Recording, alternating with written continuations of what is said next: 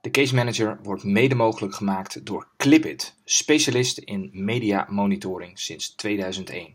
Garissa vertelt je er meer over. Hallo, ik ben Garissa van Clipit. Vind jij het belangrijk om goed op de hoogte te zijn van alle actualiteiten op je vakgebied? Ben je op zoek naar een nieuwe baan of heb je moeite om de juiste talenten voor jouw organisatie te vinden? Snel inzicht in online en social media is daarbij onmisbaar. Met Clipit ben je altijd perfect geïnformeerd. Voor luisteraars van de Case Manager hebben we een mooi aanbod. Kijk snel op clipit.nl/slash Manager. Veel luisterplezier! Dit is de Case Manager, een podcast van mits.nl.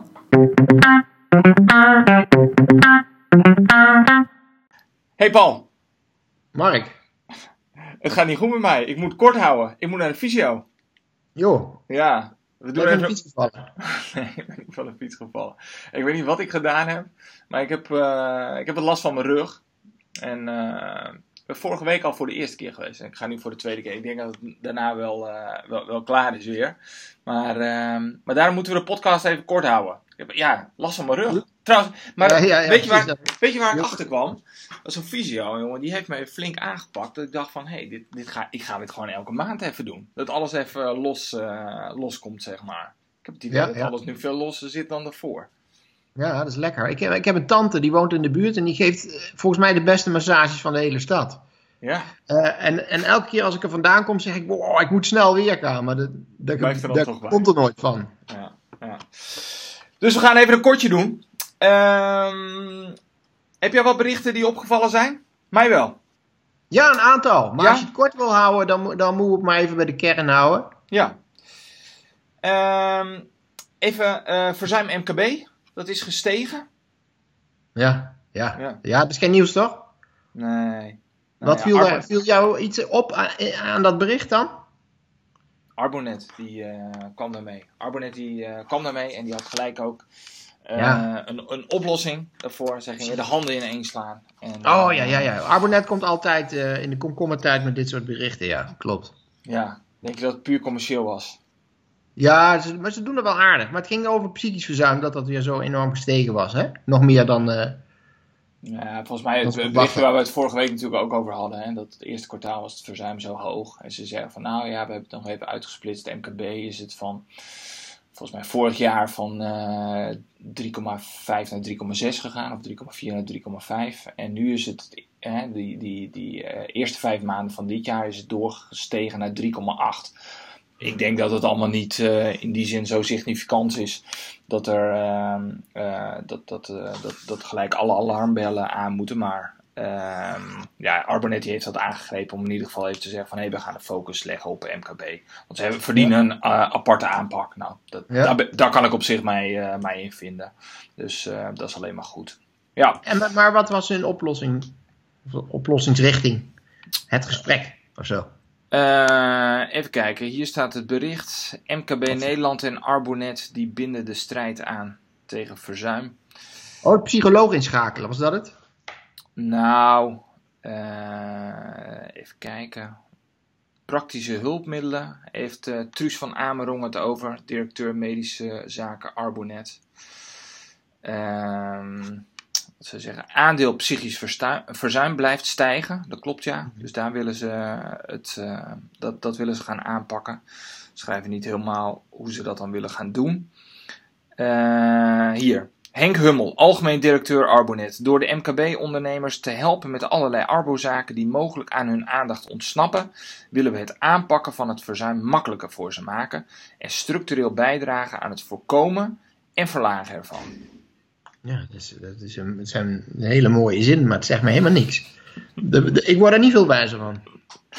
Zouden ze altijd dan moeten doen, denk ik. Toch? Ja, ja, ja. ja, ja leuk, maar uh, nou goed. Concrete uitwerking. Arbonet, we zijn uh, benieuwd naar de concrete uitwerking van dit, uh, van dit plan. Ja, doe eens uitleggen dan. Want het verzuim stijgt en dan komt u met dit soort wazige zinnen. Daar schiet niemand wat mee op. Echt niet. Nee. Wat, wat viel jou op, Paul? Uh, dat uh, KLM City Hopper. Uh, dat kun je moeilijk MKB noemen. Dat is volgens mij het groot bedrijf. Maar die hebben er ook last van. En daar vielen zelfs vliegtuigen uit. Hoe vind je die? Oh. Vanwege het hoge ziekteverzuim, ja. Ja, je kunt zeggen, er zijn, dat is de, de, de keerzijde van de medaille, dat is een positieve. We, hè, we helpen het milieu besparen. Kijk. Kijk. Minder vliegtuigen. Nou, hoog verzuim, goed, goed voor het milieu. Ja, is goed voor het milieu. Gewoon minder vliegen. Een beter milieu begint bij jezelf. Nou. Moeten ze gedacht hebben. Nee, maar het is natuurlijk wel opvallend. En, uh, het, loopt zo wat de spuigaten uit. Kijk, uh, ja, dat is vervelend genoeg voor, voor KLM natuurlijk. Maar in de zorg en alles is het, is het veel erger. Ja, zou er tekort aan piloten zijn ook, of niet? Is dat een van die beroepen waar een flink tekort is? Weet zou, niet, heb ik dat... maar het zou wel heel, heel apart zijn, want een paar jaar geleden waren er veel te veel. En weet je niet, hadden ze allemaal dubbele stapelbaantjes, die piloten. Exact. En nou is er weer tekort, gaat ook op en af. Ja. Zou je dat toch moeten kunnen opvangen, zou je zeggen, met een flexibele schil of iets dergelijks?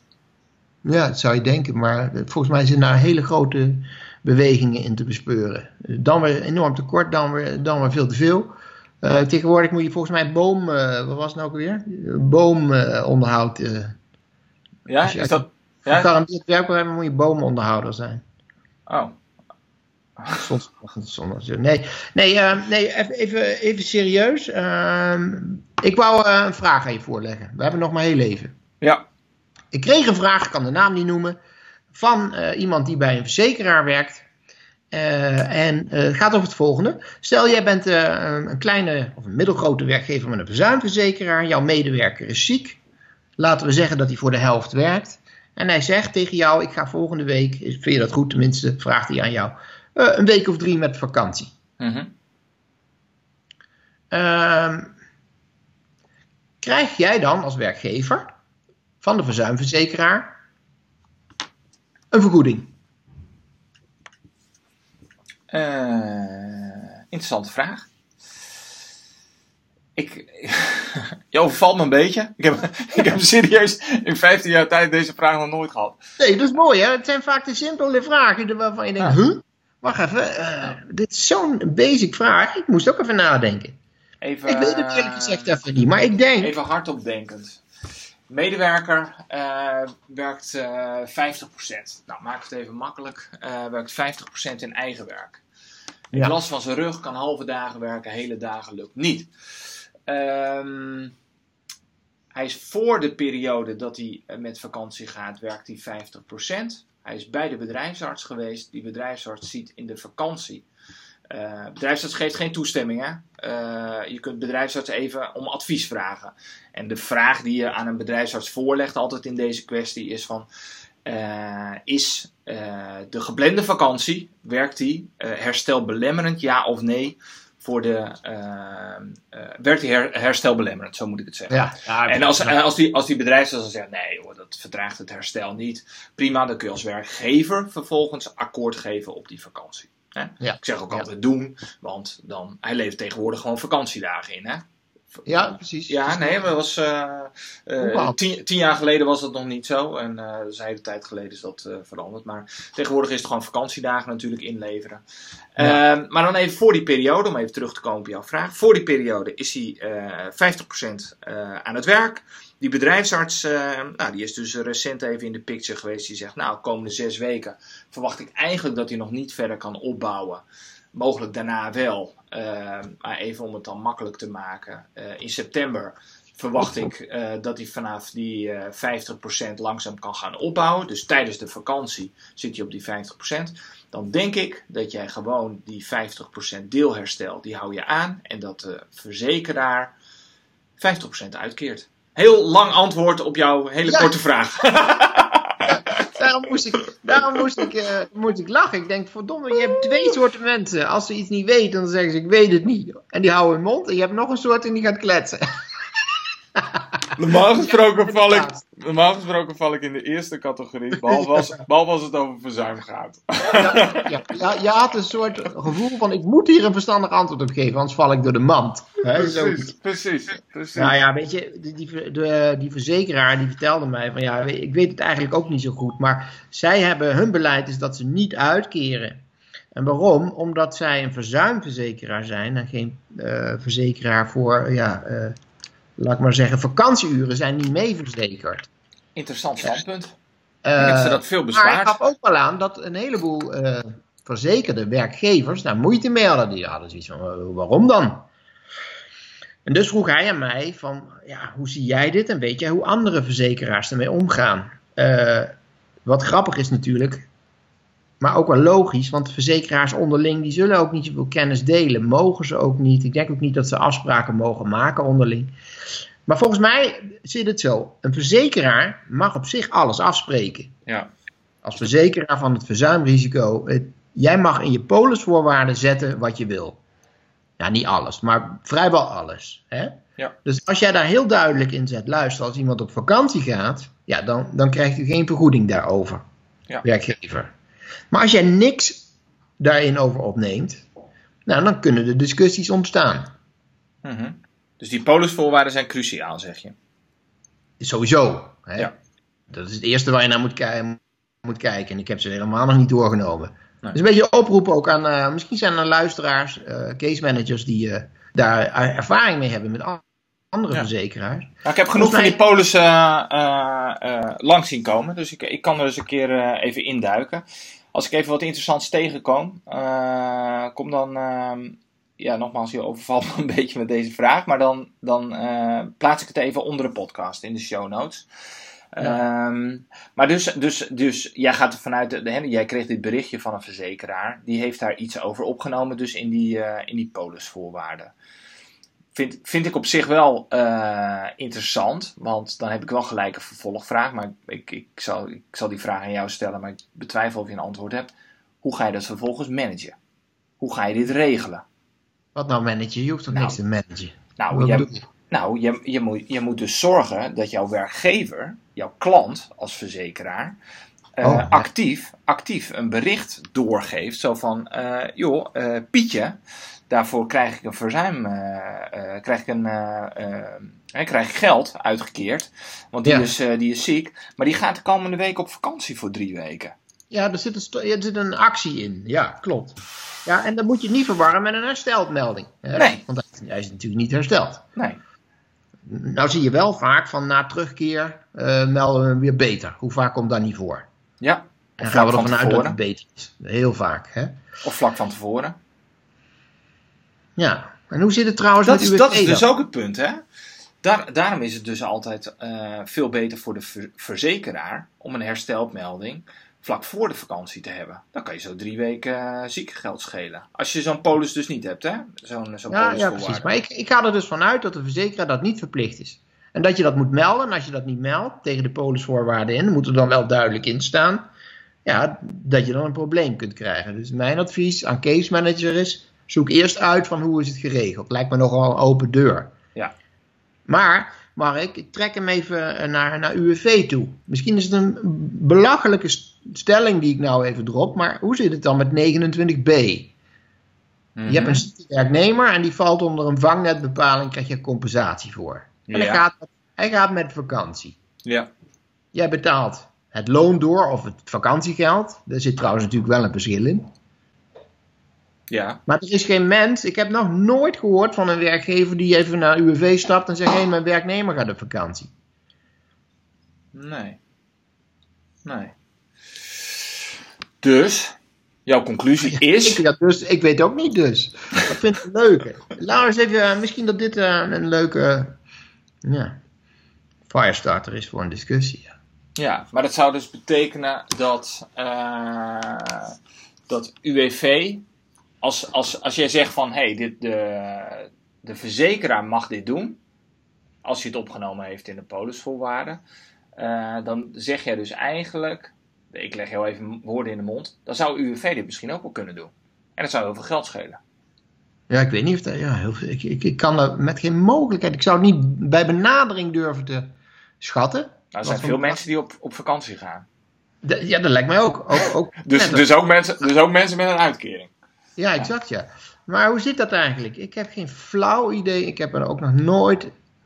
Net als jij. Dat is wel het leuke van bij stilgestaan. Het leuke van deze podcast, we zoeken, we zoeken het gewoon niet uit. We droppen gewoon even wat bommetjes. En we zeggen, luisteraars, zoek dit even uit voor ons. En de grote tot volgende week. Ja, hey, interessante Ja, kwestie. wel. Nee, maar dat is ook een rol, hè. Die, die rol moet ook vervuld worden. Interessante kwesties aanzwengelen. Nou, ja. volgens mij heb je er te pakken. En wij hoeven ook niet overal een antwoord. We zijn geen priesters. Ik heb, wij hebben ook niet, we, hebben de wijsheid ook niet in pacht, natuurlijk. Nee. Nou, dus uh, ja, we eigenlijk, uh, wij moeten ook niet praten over luisteraars, maar producers. Ja, mede. Mensen die de show mee, mee, mede mogelijk maken. Co-creatie. meedenken en dingen inbrengen en zo. Dat, dat zou ik wel echt tof vinden. De case manager is gewoon een stukje co-creatie. Ja. In feite. Ja. ja. Ja. Eh, eh, en wij beloven dan op onze beurt om daar iets mee te doen. Ja.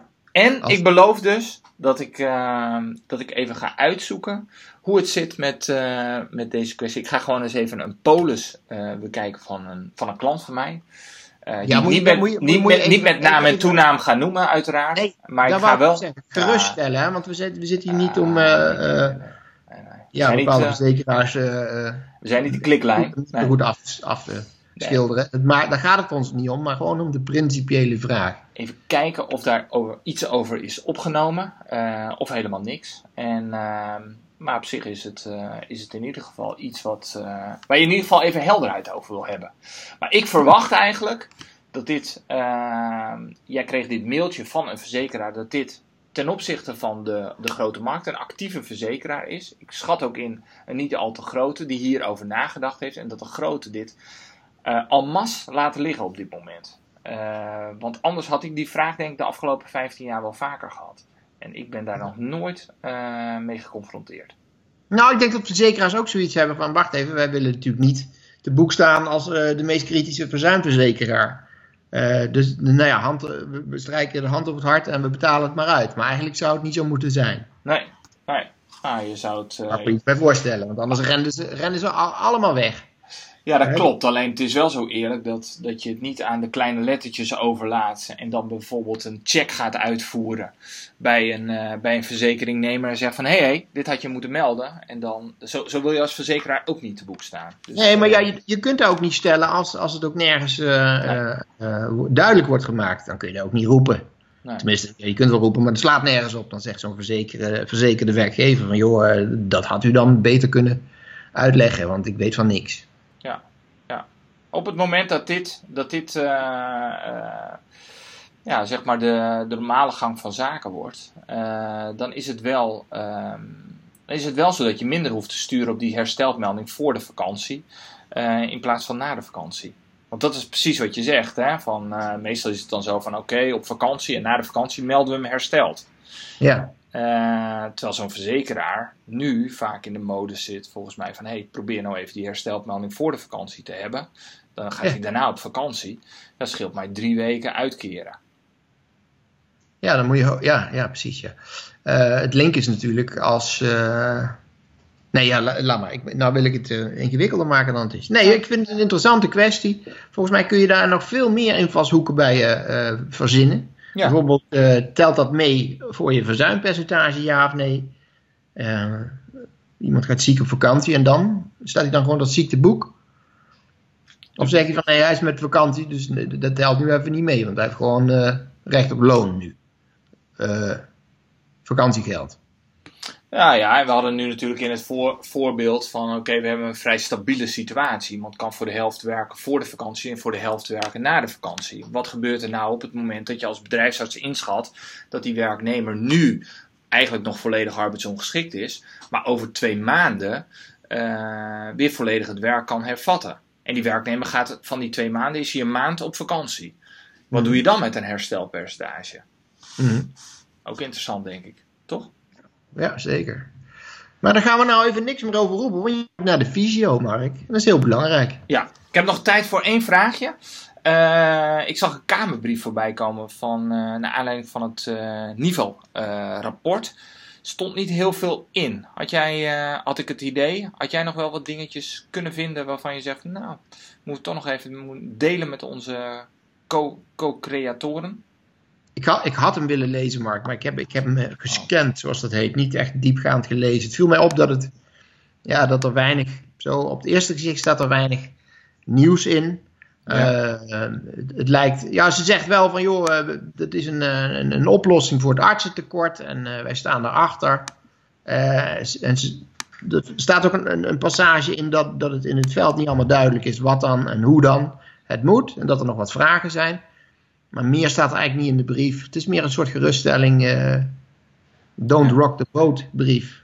Ja, ik had wel het idee dat er nu, uh, er werd iets genoemd in die brief uh, op het einde, uh, dat er een soort actiegroep of werkgroep nu bezig is om dat taakdelegatieverhaal verder uit te werken. Maar ja. ik ken dat helemaal niet. Ben, ben jij daarvan op de hoogte? Heb je dat woord gelezen toevallig? Kwaliteitstafel? Ja, dat is ook zo'n term. Nee, er zijn, uh, er zijn wel men, mensen mee bezig, ja. ja. Maar ik, ik heb de brief eigenlijk niet goed gelezen, oh, Mark. Ook omdat uh, weet je, je proeft vrij snel als je zo'n brief opent van... oh ja, dit is boeiend, moet ik even heel goed opletten. Ja. Maar ik had eigenlijk al meteen zoiets van, hier staat niks nieuws in. Maar misschien, misschien vergis ik me ook weer. Uh, nou, weet je wat, lees, hem, lees, hem nog, lees hem nog even door, Paul. Ja. Uh, geef ik je even huiswerk mee. Jij leest hem nog even door. Mocht je toch nog wat interessants tegenkomen, zetten we hem onder, de, onder de podcast in de show notes. Ik beloof dat. Oké. Ja. Ga ik snel naar de visio en dan, uh, dan, dan hoop ik morgen... morgen nou, geval volgende, nee, hoop ik volgende week weer helemaal fris en fruitig te zijn. En dan hebben we weer tijd voor een wat langere. Heel goed, heel leuk. Nou, mooi. Jo. helemaal goed, Paul. Tot de volgende week. Ciao. Jo. Hoi. Doei. Dit was een aflevering van The Case Manager, een podcast van mits.nl. Vind je de podcast leuk? Vergeet je dan niet te subscriben. Dat kan via iTunes of Stitcher. En op die manier mis je nooit meer een aflevering. We zijn helemaal blij als je een positieve review wil achterlaten daar, dus op iTunes of Stitcher. Uiteraard helpt dat onze podcast, maar het helpt ook andere case managers om onze podcast te ontdekken. Paul en ik die lezen alle reviews en we willen graag jouw feedback horen. Heb je specifieke vragen of opmerkingen naar aanleiding van deze aflevering van de Case Manager? Laat dan even een comment achter op mits.nl onder de podcast. Hier vind je ook alle show notes. Nogmaals dank voor het luisteren, ook namens Paul. En graag tot volgende week bij de Case Manager. Doei!